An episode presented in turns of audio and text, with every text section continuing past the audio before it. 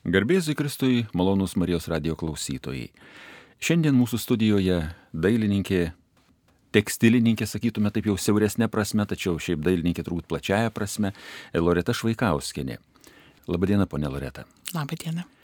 Na mes taip sakom, vat, ir jūs sakėt man pokalbėje prieš mūsų laidą, kad jūs nesat vien tik tai tekstilininkė, nors didžiausias jūsų darbas būtent susijęs su tekstile.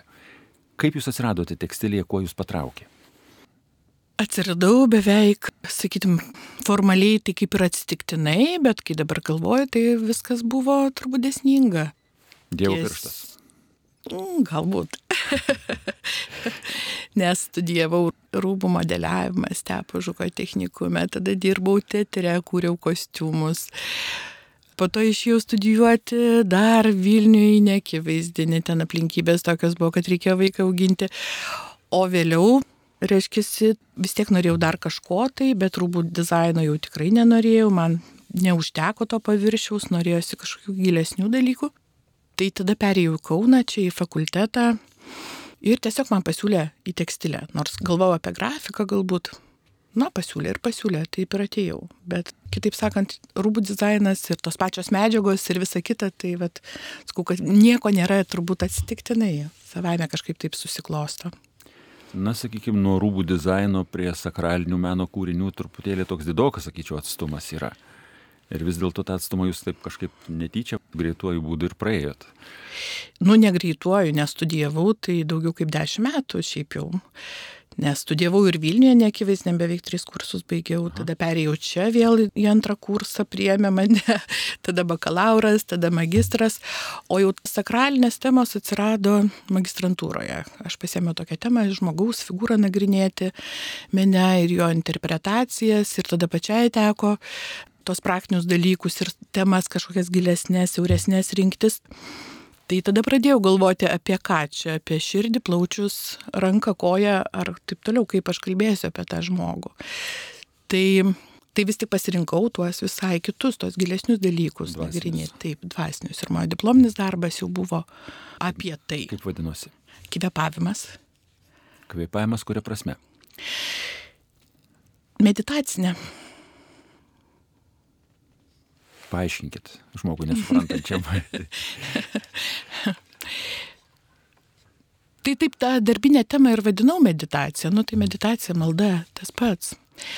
Paskui tik tai jau tą pavadinimą, kai reikėjo taip aiškiau arba, nu ne tai, kad aiškiau, tiksliau artikuliuoti, tai tas kvepavimas atsirado. Ir eksponavau aš darbą Jurgio bažnyčiai, dar tada buvo neveikianti. Taip, taip. Tai va ten dar toksai kažkaip, nu, savaime viskas susilipdė, kad ta tema tokia įsirutuliojo, kad būtent tos sakralinės. 2000-aisiais baigiau. Tai reiškia 22 metai. Taip. Tai jūsų buvo diplominis darbas ar čia kas? Diplominis magistrantūros. Magistrantūros diplominis darbas. Aha, žiūrėkit, 22 metai. Tai ir pati darbą ko gero užtruko ilgokai kuriant. Tai diplominis darbas yra dviejų metų studijų pasiekmė. O pats atlikimas tai buvo iš vis labai naujas tuo metu, nes buvo tik prasidėjęs tas skaitmeninė spauda. Ir reiškia, mano sukurtas atvaizdas, man reikėjo kažkaip jį atkartoti ir vis tik sugalvojau, kad tai, taip, kad reikia vis tik naujom technologijom tą daryti. Tai reiškia, labai gerai, kad suradau tokią firmą, kuri padėjo man tai įgyvendinti ir tai buvo dar naujienų, ant audinio nespausdino, spausdino tik tai ant popieriaus, rašaliniais printeriais.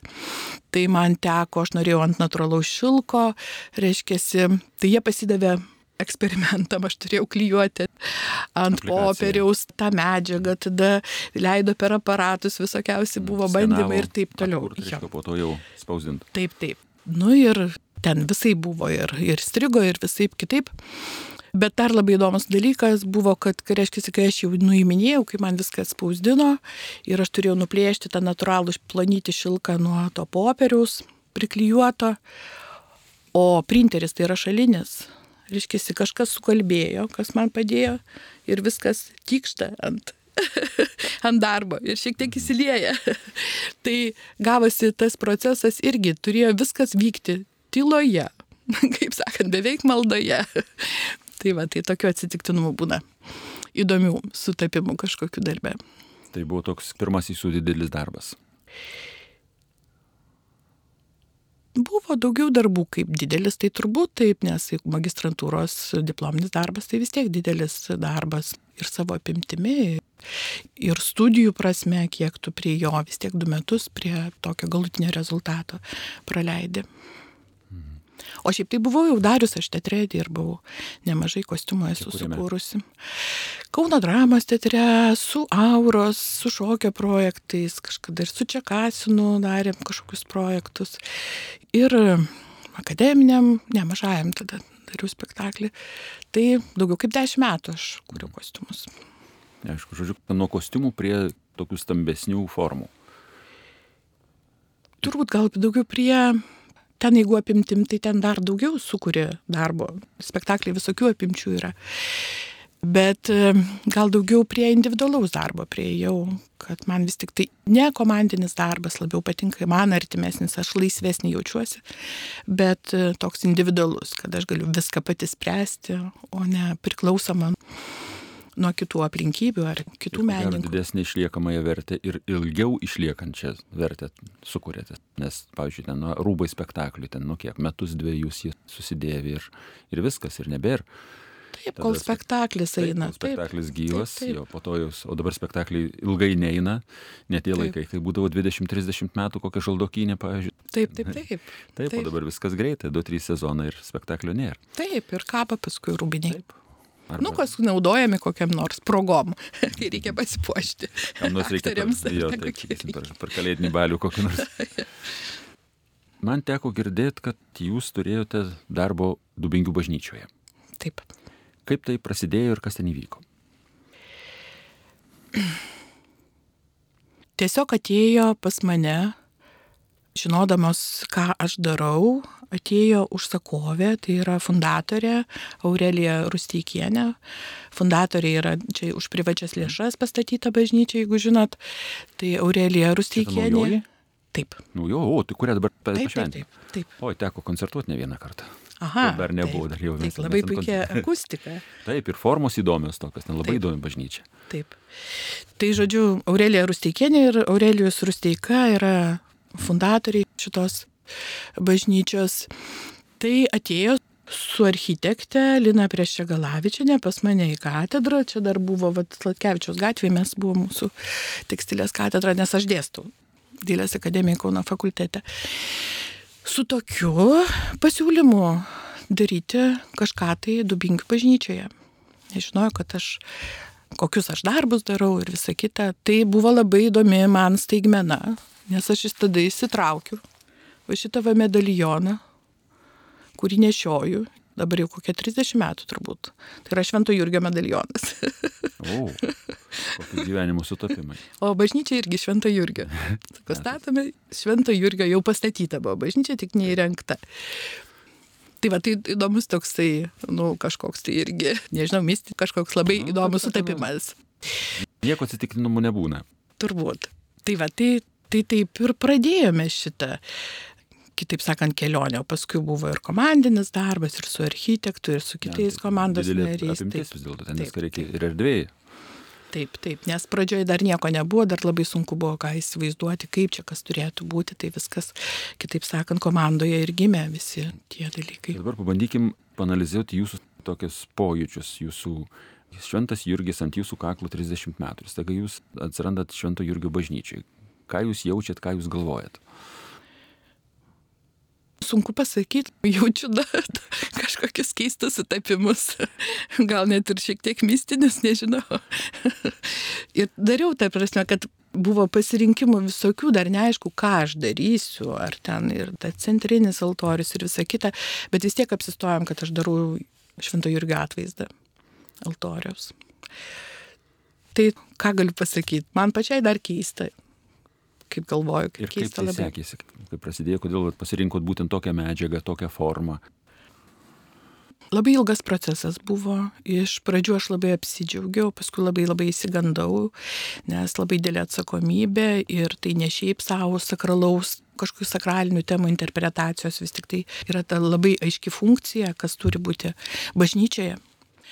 Tai tas procesas labai ilgai užtruko, Pradžioje buvo taip, kad aš žinau, ką aš darau, savo autorinę techniką ir tą pradėjau daryti, bet sustojau, nes man pasirodė, kad visa tai per daug rutiniška, būtiška, formos prasme.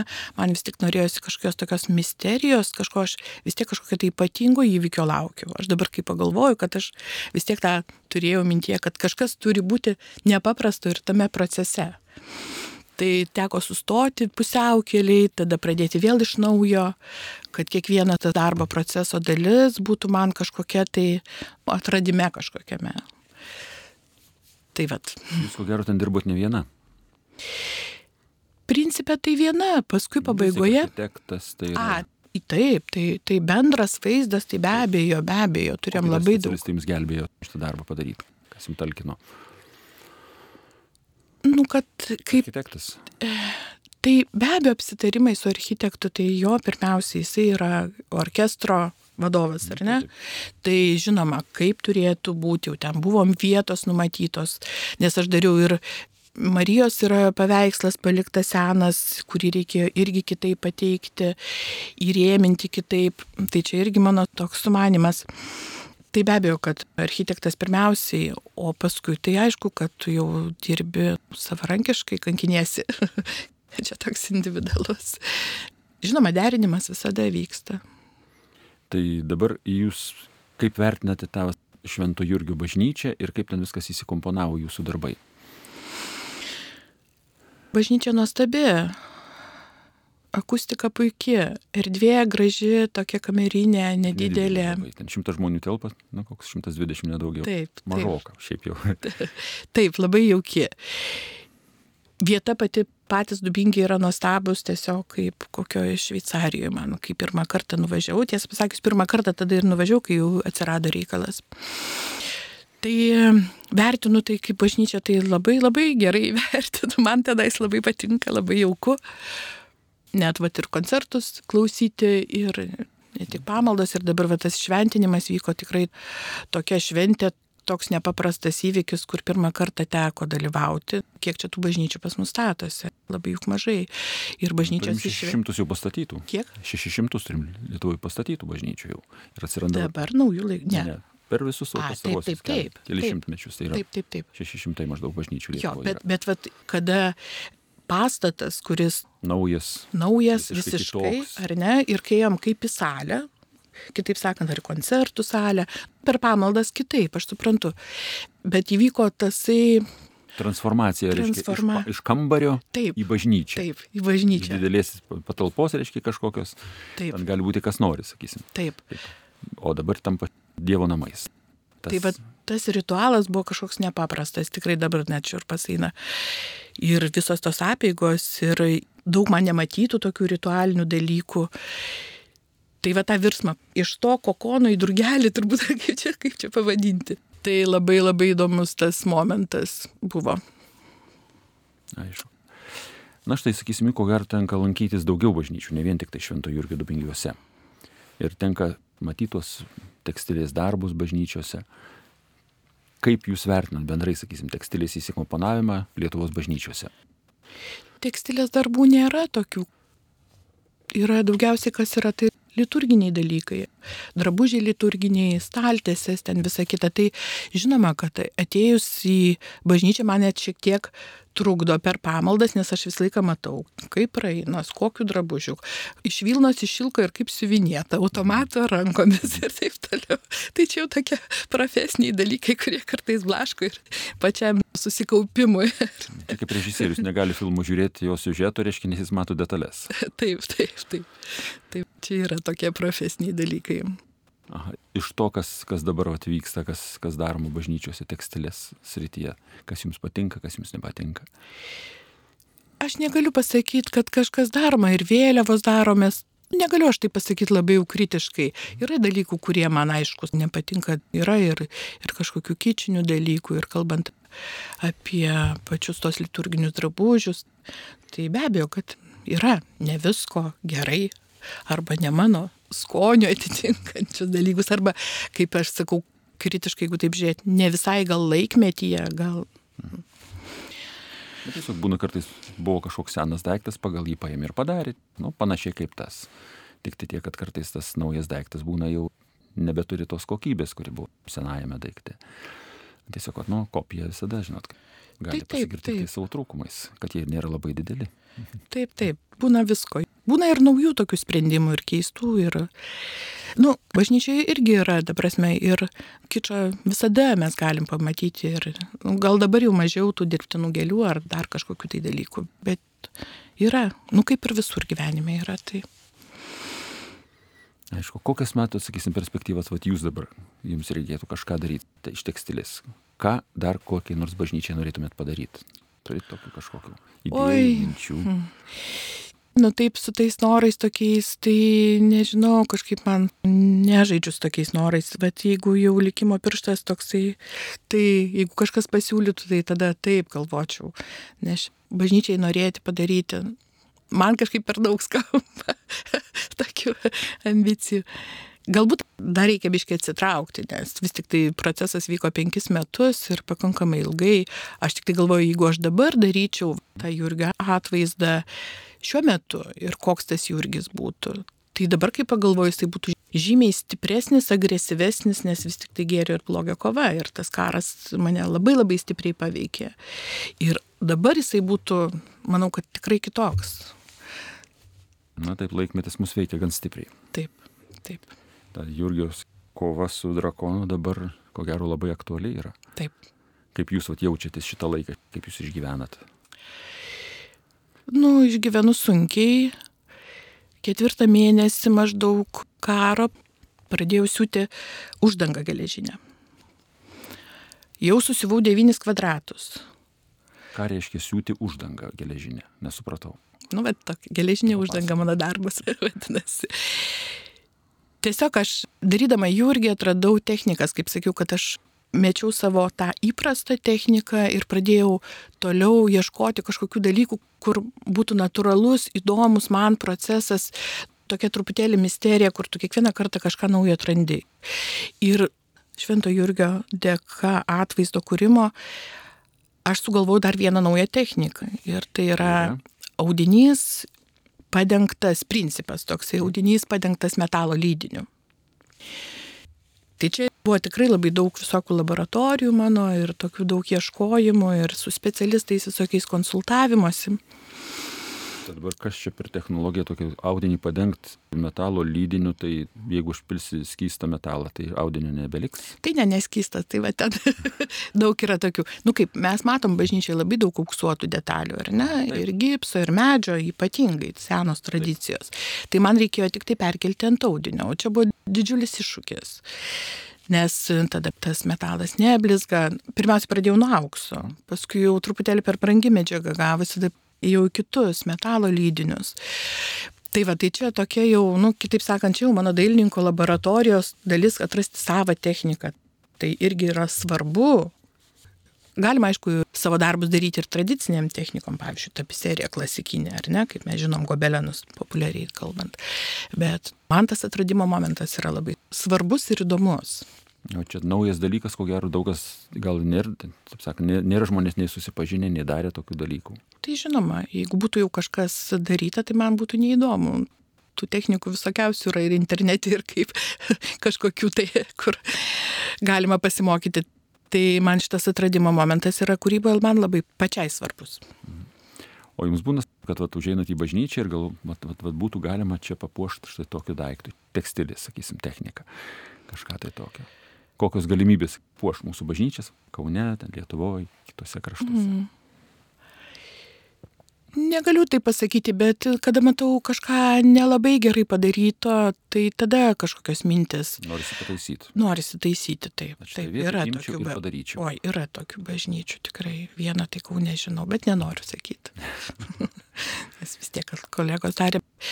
Bet tikrai yra, kur, nu, ne taip viskas, man Žodžiu, atrodo. sakant, galimybių puošti tekstilę bažnyčias yra. Jūs matote tokių galimybių.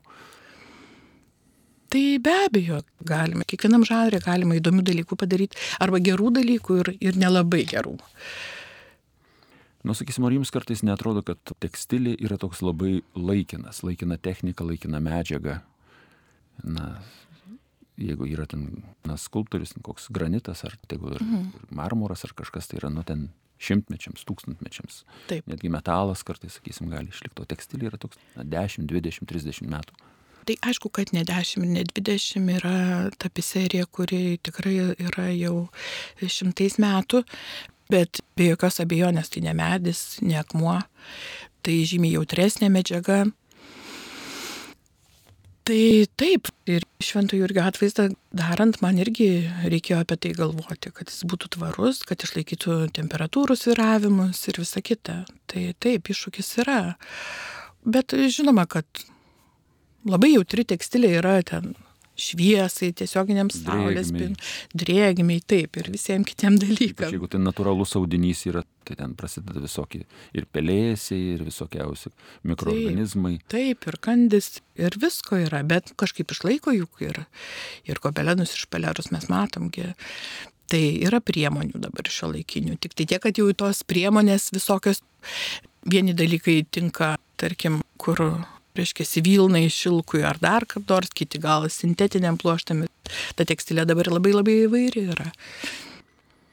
Ar jums netrodo, kad kartais truputėlį trūksta menininkų darbų bažnyčiose ir kad reikėtų tai tokio glaudesnio menininkų ir bažnyčios bendradarbiavimo? Žinoma, labai norėtųsi, bet yra tos senosios bažnyčios, kurios turi jau viską, visus altorius ir viską. Tai ten kažkokie tai priedai ar vėliavos ar dar kažkokie tai atributai reikalingi.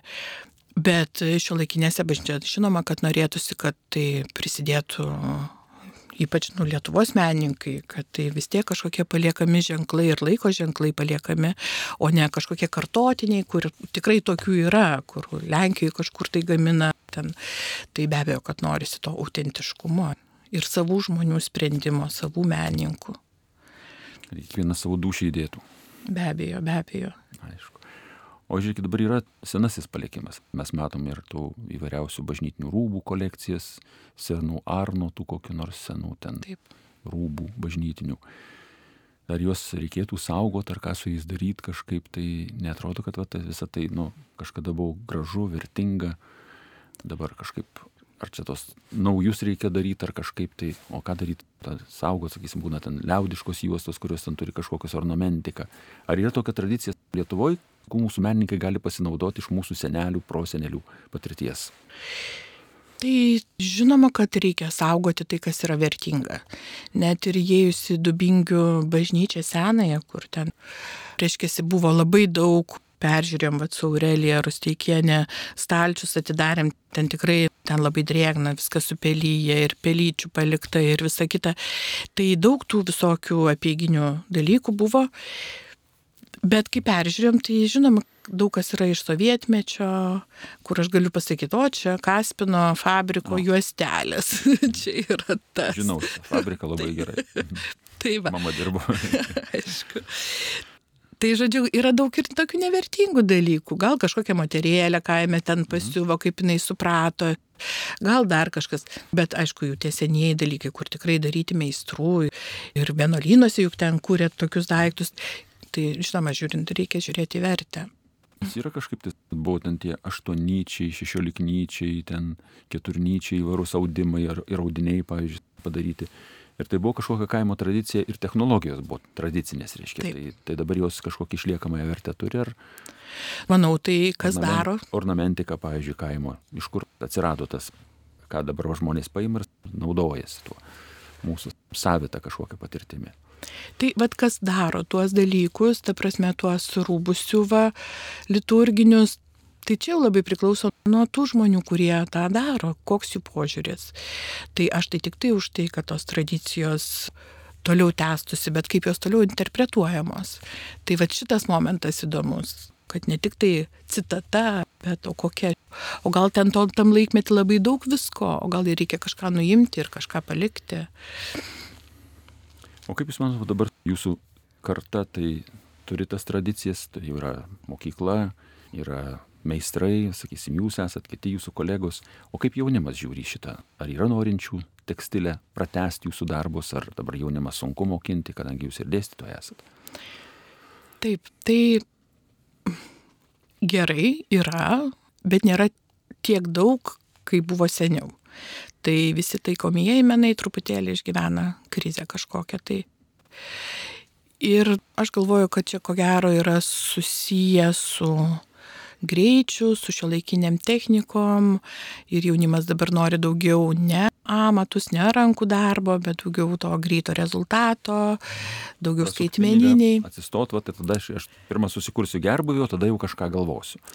Nu, meną. Jo, gal nežinau, gal net ne tiek, nes pas mus vis tiek, pas mus dailės akademijoje studijuoja žmonės, kur į tą komerciją visiems reikia gyventi, taip. Mhm, taip. Bet bet vis tiek mažiausiai turbūt orientuoti negu į kokią vadybą arba dar kaip nors.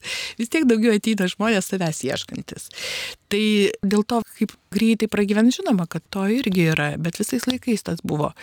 Bet man atrodo, kad mažiau gal to rankų darbo. Aš nežinau, iš kur tai Žinoma, tempas gyvenimo padiktuoja, bet galbūt ir mokyklos kažkiek tai mažiau tų amatų ir va, taip susiklosto tikiuosi, kad viskas pagerės ir vėl viskas apsisuks, viskas vis tiek ratais eina.